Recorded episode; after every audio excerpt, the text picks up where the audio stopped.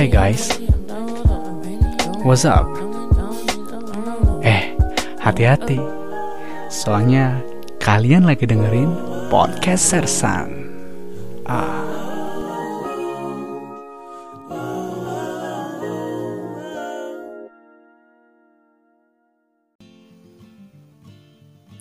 Hello, welcome to my podcast.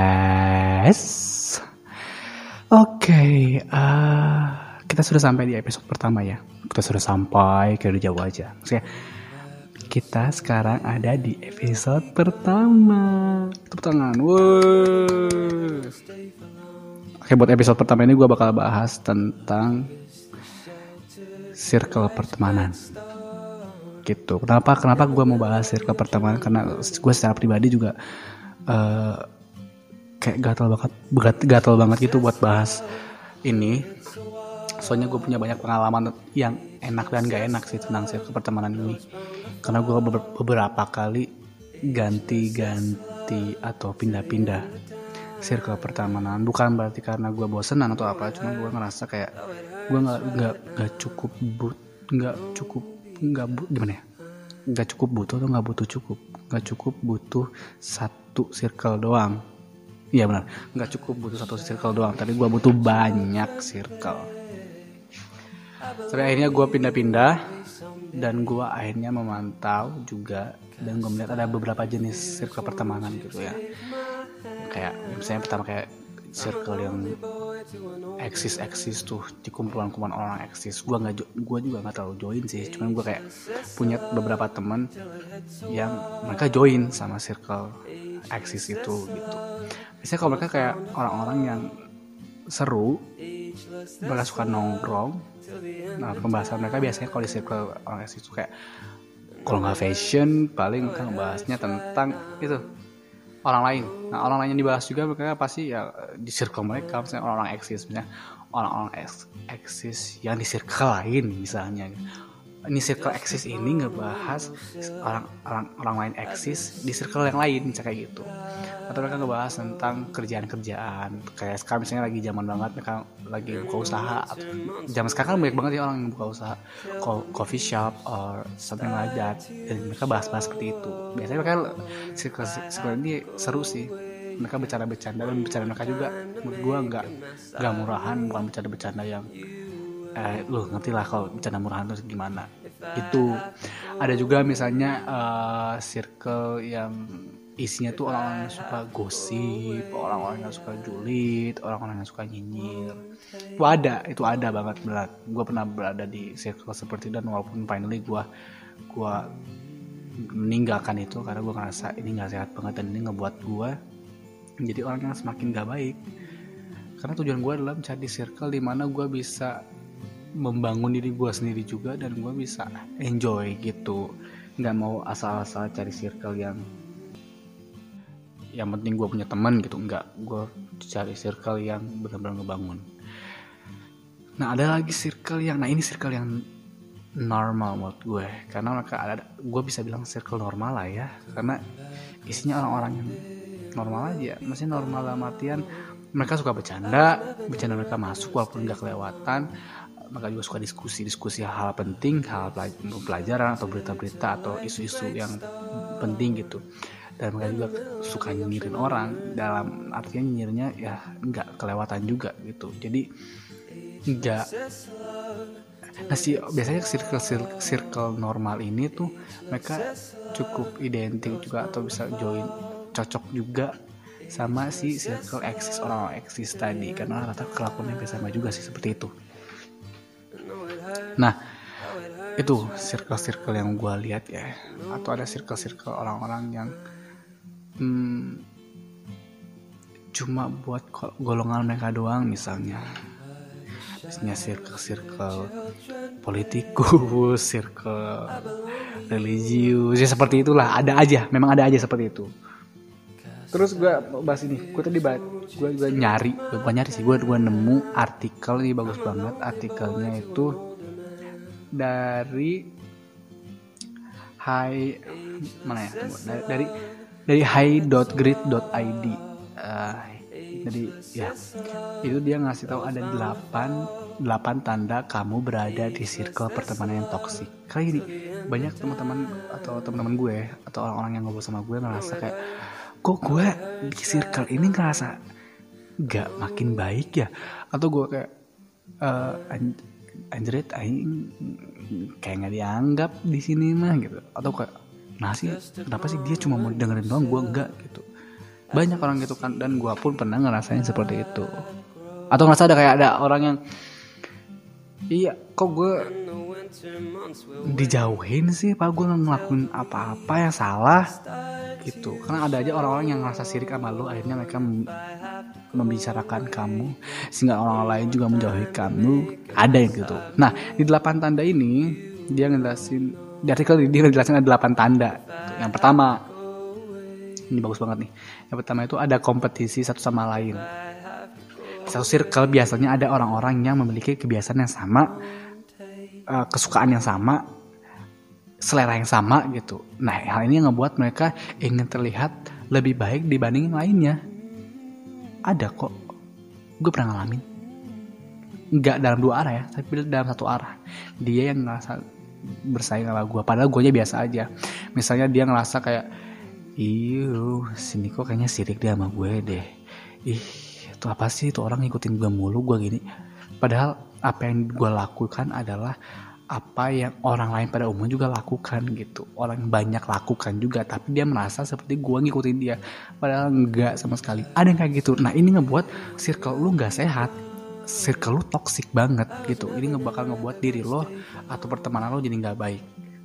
Yang kedua yang kedua itu ada pihak yang mendominasi obrolan ini sering banget terjadi dalam circle pertemanan karena gue juga pernah ngerasain banget hal seperti ini dan gue nggak pernah ngelakuin hal ini ke orang lain karena gue tahu rasanya nggak enak.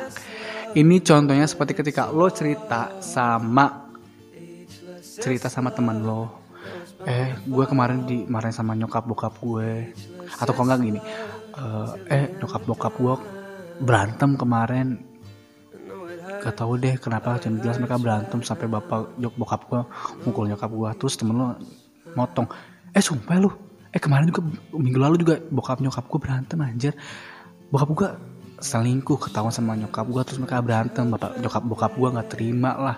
Terus bokap gue nampar nyokap gue juga sama kayak nyokap gue juga di digambar sama bokap lu gila parah banget. Dan gue tuh ngerasa bla bla bla bla bla bla bla bla. Akhirnya 4 jam. Lo cuma cerita 30 detik teman lo cerita 4 jam.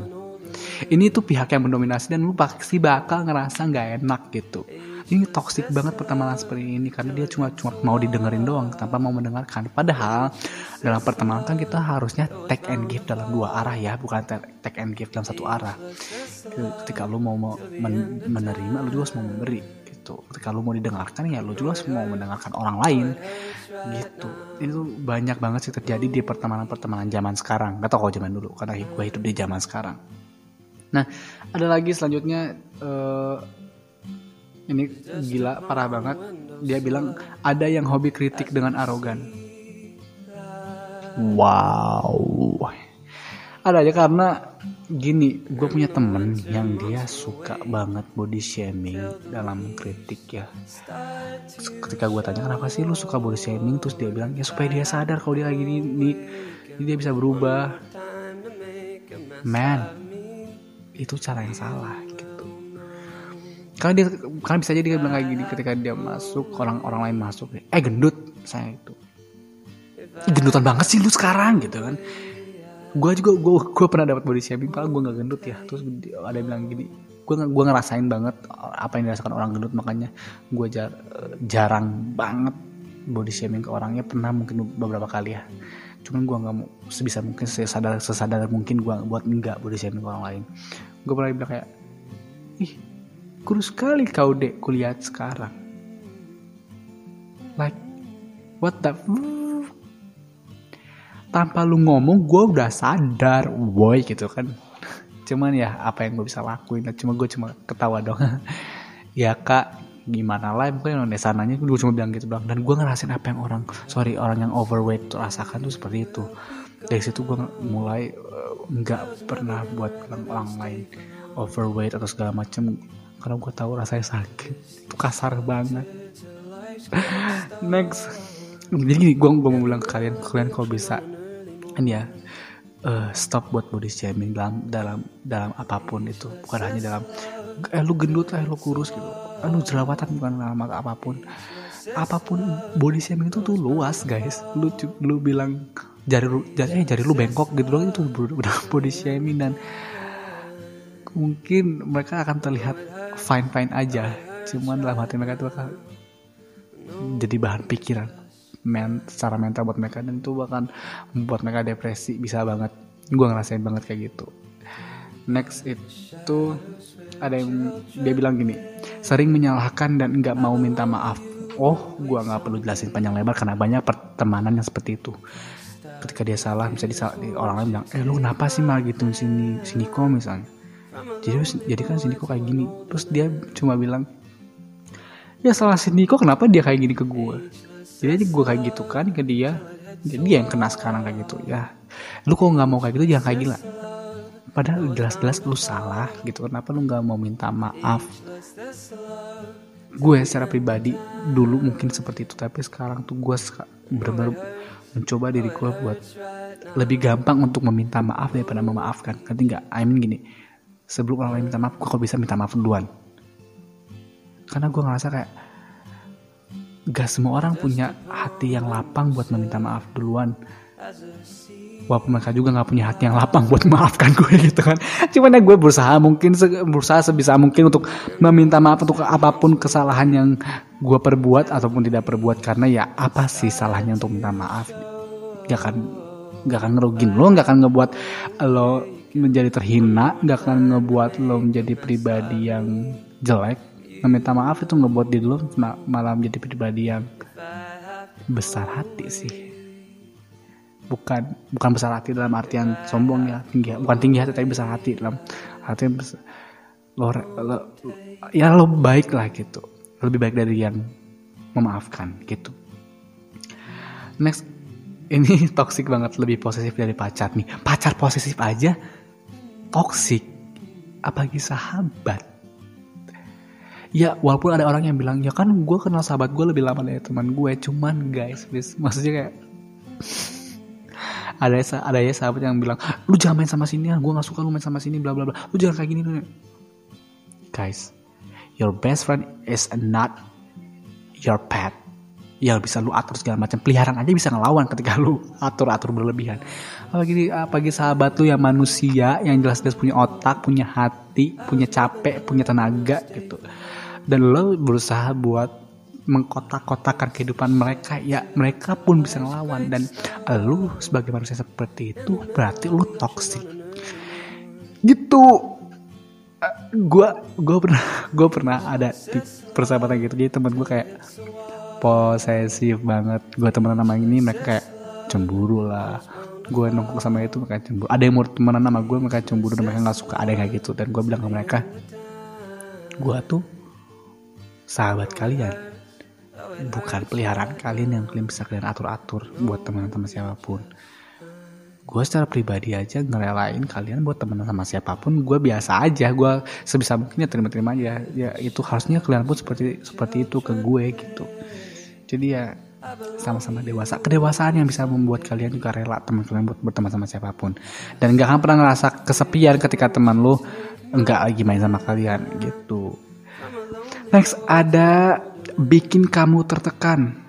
Bikin kamu tertekan. Dan ini banyak banget teman-teman yang bisa ngebuat lo tertekan. Dengan dalam hal apa pun misalnya judgmental ya itu ngebuat lo tertekan banget. Misalnya lo ada orang yang cerita eh gue hamil karena gue gini gini gini kecelakaan lah bla bla jadi gue hamil. Terus temen yang toxic ini bukannya nge-support tapi dia malah ngejudge dia. Lu sih salah tahu itu gak baik. Lu harusnya kalau kau gini bla bla bla bla bla. Sekarang lu lihat dampaknya kayak gini gini guys gue kasih tahu sama kalian semua bahwa orang yang laki, orang yang cerita ke kalian itu adalah orang yang udah nggak tahu harus ke mana lagi dalam masa struggle mereka gitu. Dan lo kalau bisa sebisa mungkin ketika ada orang yang cerita sama lo jadilah orang yang bijak. Jadilah orang yang bisa nge-support orang lain gitu. Ngerti gak sih? Dan posisikan diri, diri diri kita sebagai orang lain yang lagi cerita ke kita. Karena mereka lagi dalam struggle gitu. Ketika mereka lagi dalam struggle dan lo malah menghakimi mereka yang ada mereka semakin tertekan dan ini bisa ngebuat dampak yang lebih parah dari itu. Bahkan banyak orang yang dalam, dalam tekanannya bisa bunuh diri. Gila gak? Bunuh diri hanya karena kata-kata yang lu ucapkan. Hanya karena lu bilang elu sih orang bisa bunuh diri itu ini toxic banget. Ini bahaya banget bahkan. Next.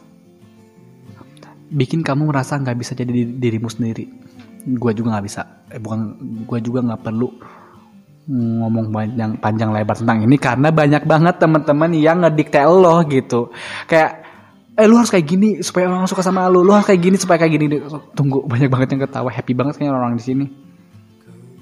Gitu jadi sebisa mungkin ya janganlah jadi orang yang uh, mengatur-ngatur orang lain. Dan kalau kalian ngerasa uh, kalau kalian ngerasa teman-teman kalian mengatur-ngatur kalian sehingga kalian terlihat seperti menjadi orang lain ingin menjadi orang lain lu baiknya tinggalin mereka karena gini pertemanan yang seperti itu tuh nggak membawa dampak positif buat hidup lu. Yang adalah membuat lu menjadi bukan diri lu sendiri jadi pakai topeng gitu.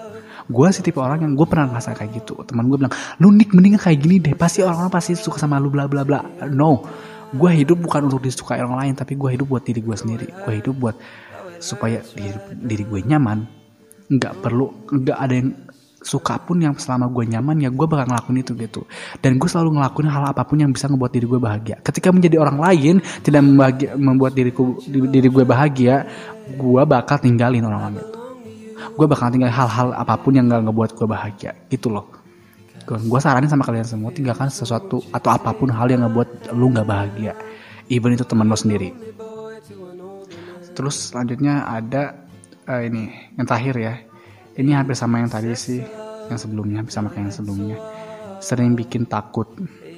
Takut dalam hal apa pun. Lu pernah nggak sih ngerasain kayak lu temenan sama dia waktu awal teman-teman kayak ngerasa cocok banget. Iya anjrit aing cocok banget lah sama si ini gila satu selera kesukaannya sama hobinya sama gila cocok banget anjir nggak pernah berantem segala macam. Terus tiga bulan kemudian beda pendapat marah. Ngomong dikit dia sensi. Pernah banget kayak gitu. Gue pernah banget. Dan kayak akhirnya dampaknya apa? Gue ngerasa kayak takut. Gue takut buat musuhan sama dia. Akhirnya karena rasa takut gue itu ya gue nurut-nurut aja. Mau dia kayak gitu ya udahlah daripada berantem gitu. Ya udahlah daripada dia marah. Ya udahlah daripada kayak gini bla bla bla bla. Hal negatif yang ada jadi gue takutin tuh ya akhirnya gue ngalah terus sama dia. Dan ini balik lagi ngebuat gue tertekan dalam pertemanan ini. Ini ngebuat gue kayak takut ngejalanin pertemanan yang berantakan misalnya. Atau gue takut ngejalanin pertemanan yang apa berantem. Padahal berantem itu bisa ngebuat lu satu sama lain saling mengerti. Kalau diselesaikan dengan baik ya. Tapi kalau nggak diselesaikan dengan baik ya udah berantakan aja terus. Itu nge ini tuh toksik banget karena banyak orang-orang yang tadi tuh dia ngerasa berkuasa atas diri orang lain. Dia ngerasa oh gue punya power nih buat nge-handle si Niko jadi gue bisa marah ketika dia ngomong apa pun yang nggak enak. Dan karena si Niko takut sama gue. Ketika lu ngerasa seperti ini ketika lu ngerasa menjadi menjadi pihak yang takut lu harus berhenti lu harus keluar dari circle pertemanan seperti itu. Lagi-lagi baik lagi itu nggak ngebuat diri lu bahagia. Karena gini buat gue tujuan hidup gue adalah bahagia. Bahagia dalam apa pun. Bahagia itu nggak melulu tentang uang. Bahagia itu nggak melulu tentang makanan yang enak. Bahagia itu nggak melulu tentang fashion yang baik.